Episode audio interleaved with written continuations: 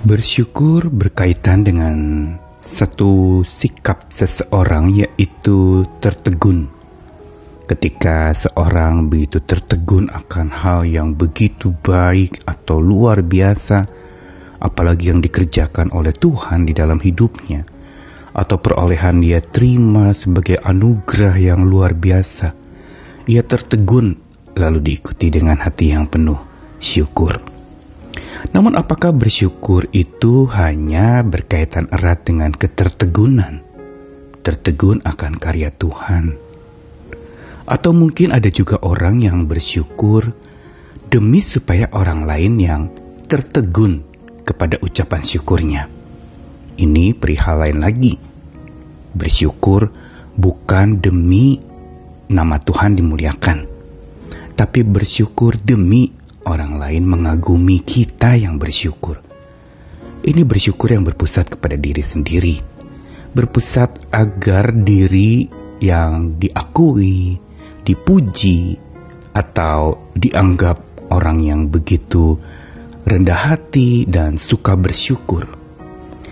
Jelas pandangan-pandangan ini berkaitan dengan bersyukur perlu kita tata dan perlu kita pertajam lagi serta perjelas lebih baik, agar kita bisa melakukan syukur yang benar di mata Tuhan, sebagaimana yang Tuhan kehendaki, supaya bersyukur bukan sekedar menjadi sebuah ketertegunan, tapi sebuah kebangunan.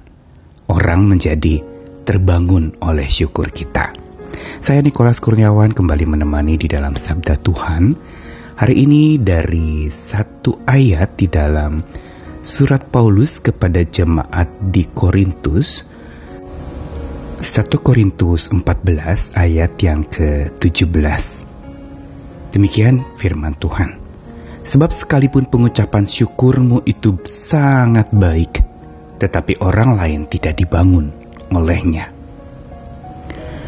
Ungkapan ini berasal dari mulut Rasul Paulus dalam mengajarkan jemaat di Korintus berkaitan dengan satu karunia yang diperdebatkan, yaitu mengenai berbahasa roh. Dan bahasa roh dipandang oleh sebagian orang pada waktu itu yang mengagung-agungkan karunia bahasa roh, menganggap itu adalah sesuatu yang harus dimiliki oleh semua orang.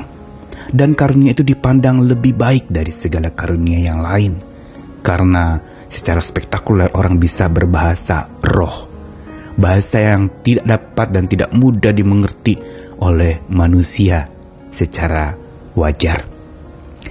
Dan karena itu Paulus mencoba meluruskan dan menjelaskan bahwa karunia-karunia yang Tuhan berikan itu beraneka ragam dan bukan hanya berbicara bahasa roh. Karena kalau orang berbicara berbahasa roh, itu sering kali menjadi sebuah bahasa yang bukan untuk membangun orang lain itu hanya untuk kepentingan seseorang berkomunikasi dengan Tuhannya dalam bahasa roh, yaitu berbicara kepada roh dan di dalam roh. Tetapi yang Paulus ingin tunjukkan adalah bahwa bukan ia katakan bahasa roh itu salah. Tapi dia ingin mengatakan sesuatu yang lebih penting yaitu bahwa segala karunia yang Tuhan berikan itu harusnya direspon dengan ucapan syukur agar orang lain terbangun.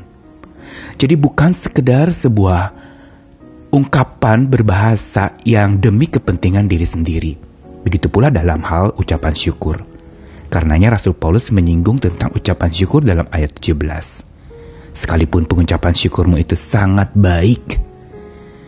Paulus ingin mengatakan bahwa orang-orang yang katanya bisa berbahasa lain atau berbahasa roh itu memang itu sangat baik. Tetapi Paulus meluruskan, apakah yang sangat baik itu bisa membangun orang lain? Orang bisa mengerti apa maksud Tuhan lewat bahasa itu. Begitu pula bahasa ucapan syukur kita. Memang kalau itu diucapkan dengan sangat baik rangkaian kata-kata yang begitu indah, mungkin itu bisa jadi keagungan bagi si pengucapnya atau orang yang mengatakannya. Tetapi belum tentu itu membangun orang lain. Karenanya Rasul Paulus mencoba meluruskan bahwa pengucapan syukur yang baik dan benar itu yang bukan sekedar sangat baik tapi sangat benar adalah pengucapan syukur yang membuat orang lain terbangun oleh ucapan syukur itu. Di sini kita belajar lagi tentang perihal mengucap syukur yang benar, yang bukan sekedar asal bunyi seperti yang kemarin kita bahas, tetapi sesuatu yang berbunyi nyaring sampai orang lain terbangun imannya. Bukan sekedar orang bersyukur tertegun akan karya Tuhan, walaupun ini hal yang wajar dan sangat lumrah. Bersyukur karena kagum akan kerja Tuhan, tertegun untuk karya penyembuhan atau karya pemulihan Tuhan, atau karya-karya tangan Tuhan yang lain.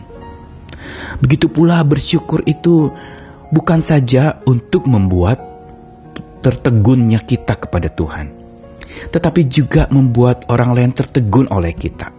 Seringkali kita berpikir bahwa ucapan syukur itu membuat orang menjadi mengagumi kita. Membuat orang menjadi merasa, wow orang ini luar biasa ya, dia tahu berterima kasih, dia suka bersyukur. Sebenarnya bukan itu untuk tujuan kita bersyukur. Bukan supaya kita tertegun akan karya Tuhan semata, atau apalagi membuat orang lain tertegun oleh ucapan syukur kita tetapi bersyukur yang benar adalah justru dampaknya, bukan sekedar tampaknya. Apa dampaknya dari ucapan syukur yang benar? Yaitu orang terbangun imannya. Orang lain bukan saja kagum dengan kata-kata kita, kagum akan ketertegunan kita, kagum akan bagaimana kita bisa mengucapkan kata-kata yang begitu indah dalam ucapan syukur kita, atau kagum akan karya Tuhan, tertegun untuk segala kebaikan Tuhan. Tetapi ucapan syukur yang beradiasi luar biasa itu adalah ucapan syukur yang menyebar dan membangun iman orang lain. Ini tujuan kita bersyukur. Jadi begitu kompleksnya bersyukur bukan semata untuk Tuhan, tetapi sesungguhnya untuk orang lain terbangunkan lewat kesaksian hidup kita. Karena pada saat kita bersyukur, sebenarnya kita sedang memasyurkan nama Tuhan. Dan di situlah sebenarnya orang terbangun imannya. Kita bisa melakukan ini itu, kita bisa memperoleh ini itu, kita bisa mencapai ini itu. Semua karena karya Tuhan. Dan biarlah segala kemuliaan untuk Tuhan. Ini yang menyebabkan orang bisa terbangun imannya. Begitu pula pada saat di mana kita mungkin sedang sulit bersyukur, tetapi kita bisa bersyukur kepada Tuhan dengan tulus, dengan jujur, ini akan membuat orang terbangun imannya. Melihat betapa harusnya kita bersungguh tetapi kita bisa bersyukur, itu adalah sungguh kekuatan Tuhan dan orang menjadi terbangun imannya, melihat bagaimana Tuhan bekerja menguatkan kita yang lemah. Mari kita belajar lagi bersyukur yang benar, memuliakan nama Tuhan dengan ucapan syukur yang memperkenalkan hati Tuhan dan membangun iman sesama kita, orang percaya di sekitar kita, melihat Tuhan di balik ucapan syukur kita. Segala kemuliaan bagi Tuhan, terpujilah nama Tuhan. Amin.